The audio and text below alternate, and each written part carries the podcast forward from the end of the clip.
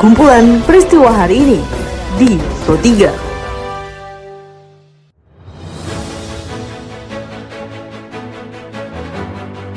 Halo pendengar, saat ini Anda sedang mendengarkan kumpulan peristiwa Pro 3. Pada podcast kali ini saya akan mengulas terkait isu-isu aktual yang saat ini masih hangat atau ramai diperbincangkan di sekitar kita. Tentu saja pendengar, nanti akan saya hadirkan cuplikan informasi dari reporter kami. Bersama saya Karisma Rizky, inilah kumpulan peristiwa Pro 3 di ruang dengan podcast Anda. Pendengar, sebelum saya masuk dalam beberapa isu aktual yang akan saya hadirkan sesaat lagi, saya akan mengundang Anda untuk mampir ke laman berita kami di rri.co.id. Anda juga bisa memfollow Instagram, Twitter, dan Facebook kami di @rri_programa3. Baiklah pendengar, inilah kumpulan peristiwa Pro 3. Tim penyidik Komisi Pemberantasan Korupsi KPK sedang menyidiki kasus pengadaan barang tanggap darurat bencana pandemi COVID-19 di Dinas Sosial Kabupaten Bandung Barat tahun anggaran 2020.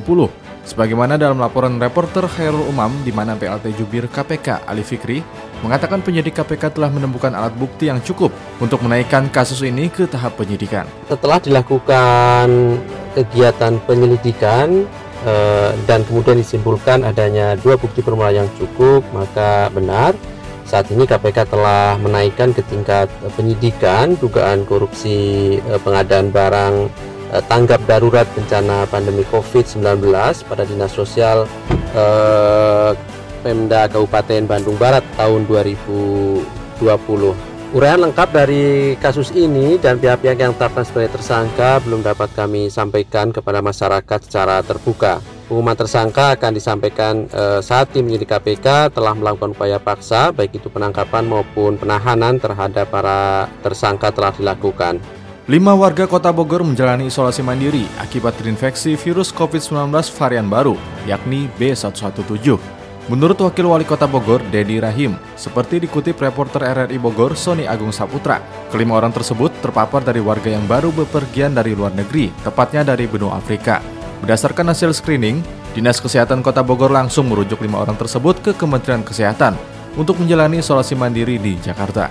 Saat ini sudah sebetulnya sudah ditangani oleh Kementerian Kesehatan, tetapi kewajiban dari pemerintah Kota Bogor adalah memonitor keluarga mereka yang kontak erat kita harapkan sih sebetulnya dari keluarga tidak ada paparan ya meskipun kontak erat oleh karena itu kita melihat dari langkah yang diambil adalah sudah dilakukan isolasi dulu kemudian dipastikan negatif kemudian baru boleh melaksanakan kegiatan Sebagaimana laporan dari reporter ini Hairani di mana Presiden Joko Widodo mengaku tak kenal lelah dalam menghadapi pandemi COVID-19. Hal itu disampaikan Kepala Negara saat membuka Kongres ke-20 Pergerakan Mahasiswa Islam Indonesia secara virtual. Pemerintah masih terus bekerja keras memulihkan kesehatan masyarakat dan membangkitkan ekonomi nasional.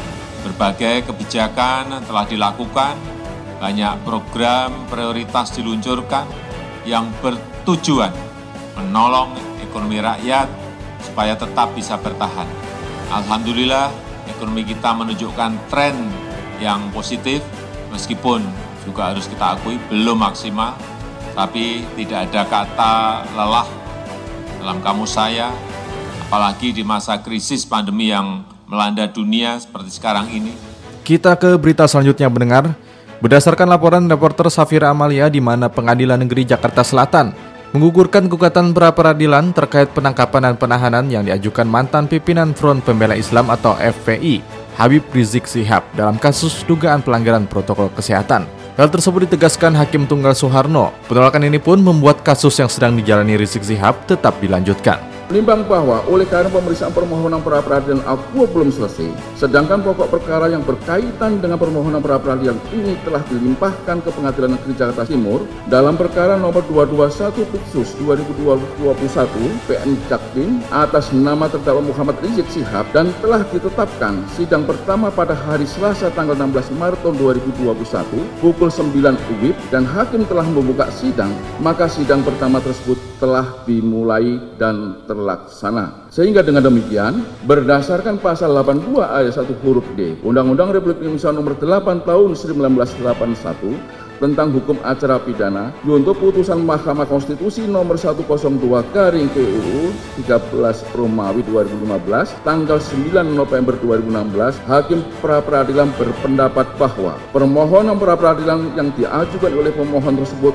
haruslah dinyatakan gugur. Baiklah pendengar, informasi tadi sekaligus mengakhiri perjumpaan kita pada podcast edisi hari ini. Anda juga bisa mendengarkan podcast edisi hari ini di Spotify dengan hanya mengetik Pro 3 RRI di kolom pencarian Anda. Dan pendengar tetaplah menjaga jarak dan ikuti selalu protokol kesehatan. Saya Karisma Rizky, sampai jumpa. Jalanan ibu kota DKI Jakarta masih Kumpulan peristiwa hari ini di Pro 3.